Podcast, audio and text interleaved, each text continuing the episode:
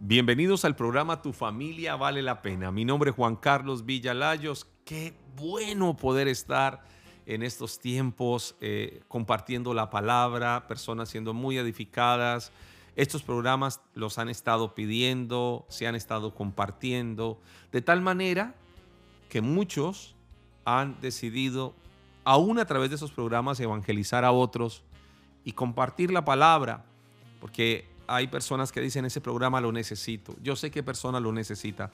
Hoy vamos a hablar de ambientes relacionales, ambientes relacionales y espero en Dios que Dios eh, toque tu corazón de una manera muy especial. Ah, quiero hablar hoy también de termómetro, termómetro o termostato. Vamos a hacer una relación allí un poco con lo que es el fruto del espíritu Ah, vamos a hablar acerca del dominio propio, de la templanza, como parte de lo que podríamos llamar inteligencia emocional. La inteligencia emocional, eh, a nivel de psicología, estaríamos hablando de autoconciencia, autorregulación, de saber controlar esas motivaciones, de tener empatía con otros, qué sé yo. Cantidad de cosas que podrían trabajarse a nivel de inteligencia emocional, como habilidades de comunicación, habilidades de tratar a otros, de relacionarme. Todo eso tiene que ver con inteligencia emocional. Bueno, la Biblia habla, y esto me gusta, en Gálatas 5:22, más el fruto del Espíritu es amor. Y si usted tiene amor, tiene gozo. Y si usted tiene amor y gozo, tiene paz.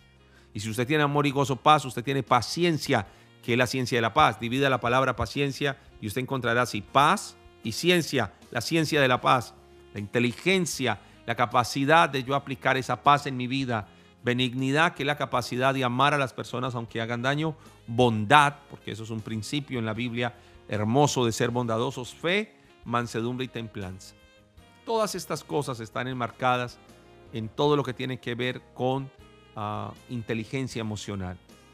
No solamente es importante el coeficiente intelectual, es importante también el coeficiente emocional.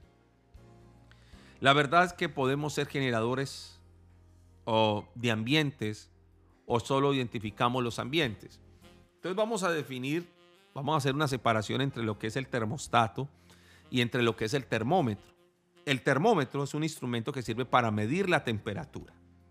No la cambia, pero la mide. Y el termostato es el componente de un sistema de control, sí, un poquito más complejo, que abre o cierra un circuito eléctrico en función de la temperatura. Entonces lo que hace el termostato es regularnos. Hay personas en las comunidades cristianas que son buenos siendo termómetros. Le miden la temperatura a todo mundo. Pero necesitamos más cristianos termostato. Cristianos o personas que son ah, generadores de ambientes saludables, que serían de nuestros equipos, de una lavadora, de una nevera, de una plancha, de una olla rosera, de todo equipo eléctrico si no hubiese un termostato. Simplemente se fundiría, se quemaría. Por eso necesitamos, escúcheme por favor, personas que se regulen, termostatos, esposos que sean termostatos, esposas que sean termostatos, que aprendan a regularse, a regular esas emociones, esos impulsos. ¿Sabes? Más gobernar a ¿Sabes esto? Quería, quería, decirles algo que leí hace un tiempo y era que hay personas que gobiernan mejor teniendo un coeficiente emocional alto que un coeficiente intelectual alto.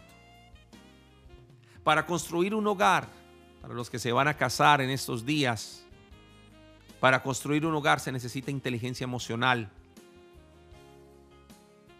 para construir un hogar, para construir el tercero de nosotros. Llamamos tercero a ese apellido que usted construye, a ese, a ese Villa Bejarano, a ese, a ese Ramírez Osorio o aquí en los Estados Unidos que pasa que usualmente usan un solo apellido. Pero lo interesante de esto es que muchas personas tienen un coeficiente intelectual alto pero un coeficiente emocional bajito. Son termómetros, pero no termostatos. Así que tenemos que aprender a ser generadores de ambientes saludables. Recuerda lo que dice la Biblia, más el fruto del Espíritu es amor, es gozo, es paz, es paciencia, es benignidad, es bondad, en fe, mansedumbre y templanza.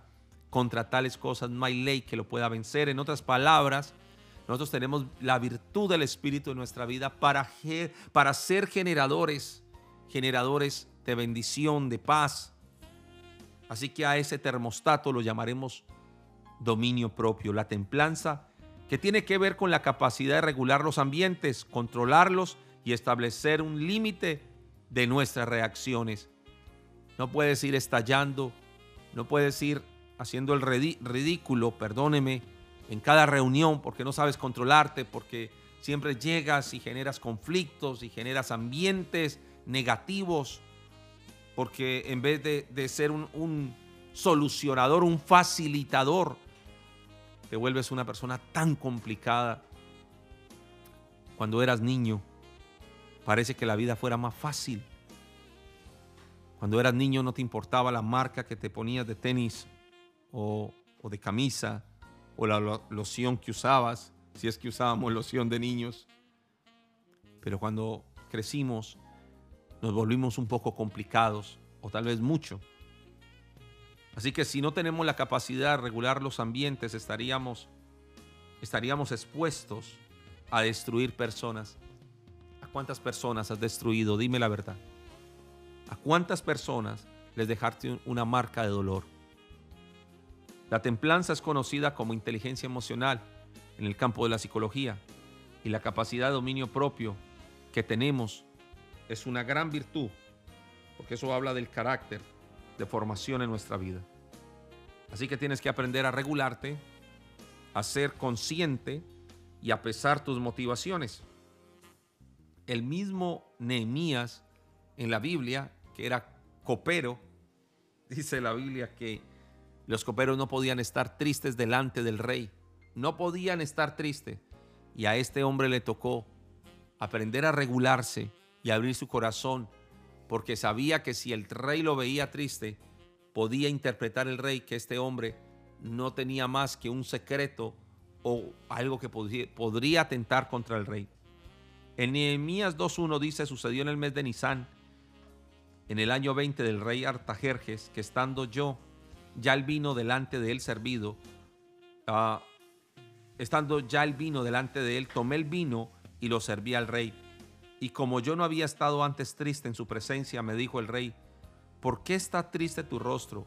Pues no estás enfermo, no es esto sino quebranto de corazón. Entonces temí en gran manera porque lo podría, podría mandar a matar.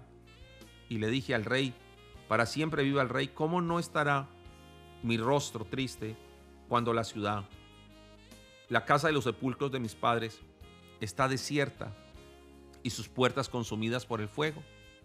Me dijo el rey, ¿qué cosa pides? Entonces oré al Dios de los cielos y dije al rey, si le place al rey y tu siervo hallado gracia delante de ti, envíame a la ciudad de los sepulcros de mis padres y la reedificaré. Así que vamos a ser creadores de ambientes, que es lo que estaba haciendo Nehemías. Vamos a ser de los que sumamos y no restamos. Vamos a ser de los que no solamente presentan el problema, sino la solución. Vamos a ser de los que tienen ideas para que se tomen correcciones, para transformar pensamientos en hechos. Dios no te ha puesto en tu hogar para que seas un termómetro. Dios te ha puesto en tu hogar para que seas un termostato, uno que crea ambientes saludables, unos que que pueden saber hasta dónde permiten las tensiones en el hogar. Recuerda, estamos para afectar de manera muy positiva a nuestra esposa, a nuestro esposo, a nuestros hijos. Así que somos de los que nos dejamos influenciar o somos de los que influenciamos para bien. Termostatos. Así que si vamos a hacer termostatos, tenemos que usar el sentido común. El sentido común es el sentido obvio de las cosas. Usted no me puede decir a mí fue sin querer queriendo. No, hay una intencionalidad en eso. Y a veces somos imprudentes de palabra y ahí hay una intencionalidad. En 1 Corintios 13, 9 dice, porque en parte conocemos y en parte profetizamos. Y ese conocimiento nos da un sentido común. Ejemplo, Si usted siembra un tomate, le nace, si usted siembra semillas de tomate, le van a hacer un tomate. Pero usted está diciendo, venga, ¿por qué mi esposa es así? Pues porque eso es lo que usted ha sembrado. Porque mis hijos son así. Venga, en mi casa ni el perro me saluda. Bueno, eso ya es complicado. Pero es por lo que usted ha, ha sembrado. Así que lo primero que tenemos que empezar a usar es cambiar nuestras palabras, cambiar nuestra manera de pensar también, cambiar nuestro, nuestro discurso. La Biblia dice no se conforme a este siglo, sino transfórmese por medio de la renovación de su entendimiento. Aprenda esto, que el que sabe hacer lo bueno y no lo hace le es pecado. Usted sabe muy bien qué tiene que hacer a favor de su casa. Si no lo hace, pues eso se vuelve muy, muy, muy difícil. Así que le voy a pedir un favor.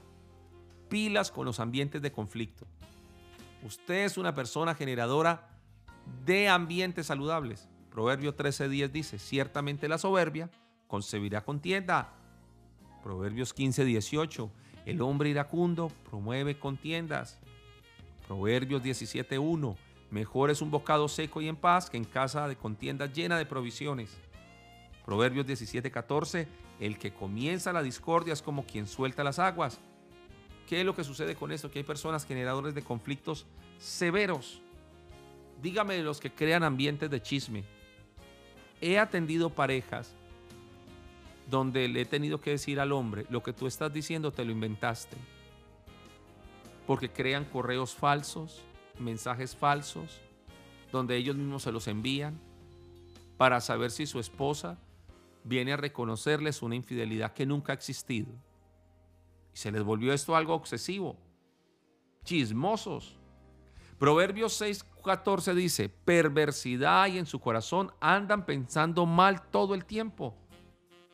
Hay cosas que Dios aborrece, siete que abomina su alma, o la séptima que abomina su alma, y dice el testigo falso que habla mentira. Hay generadores de ambientes tóxicos que lo que siembran es soberbia y deshonra. Cualquier pecado está al alcance de ser corregido, pero la soberbia, el orgullo y la altivez, oh, qué difícil, porque la persona no quiere no quiere bajar ese orgullo, esa prepotencia y se está haciendo mucho daño y le está haciendo daño a las personas que ama. Por eso dice Isaías 47:3, será tu vergüenza descubierta y tu deshonra será vista. Haré retribución y no no sé y no te librará hombre alguno. No te desprotejas. La, la soberbia no solo te desprotege a ti, sino a los que amas. Cuando una persona se está ahogando, siempre buscará arrastrar a otro con él. Deja la soberbia a un lado. Empecemos a usar de inteligencia emocional. Empecemos a hacer termostatos personas que cambiamos los ambientes, todo un termostato, todo está recalentado. Usted repara el termostato, todo vuelve a su tranquilidad. Así que a partir de hoy, dile, Señor, yo no quiero ser solo un termómetro, quiero ser un termostato. Termino este programa. Santiago 3:13 dice, ¿quién es sabio y entendido entre vosotros? Muestre por la buena conducta, termostato, sus obras en sabia mansedumbre. Pero si tenéis celos amargos y contención en vuestro corazón, no, no, te jactes ni, ni, mintáis contra la verdad. Porque esa sabiduría no es la que desciende de lo alto, sino que es terrenal, animal y diabólica. Porque donde hay celos y contención, allí hay perturbación y toda obra perversa. Pero la sabiduría que desciende de lo alto es primeramente pura, pacífica, amable, benigna, llena de misericordia, de buenos frutos, sin incertidumbre ni hipocresía y el fruto de justicia se siembra en paz para aquellos que hacen la paz. Siembre paz. Sea un generador de ambientes positivos, que cuando usted llegue a su casa sus hijos salgan a, recibirlo, su, su perro salga a recibirlo, hasta el gato indiferente, hasta el gato que es más indiferente, salga a recibirlo. Que su esposa le reciba con brazos abiertos y no en ese silencio sepulcral donde nadie quiere recibirlo porque es un generador de ambientes negativos porque es una generadora de ambientes negativos. No cambiemos eso y a partir de hoy seamos termostato. Mil bendiciones. A todos los que han estado escuchando este programa, recuerde, tu familia vale la pena. Bendiciones.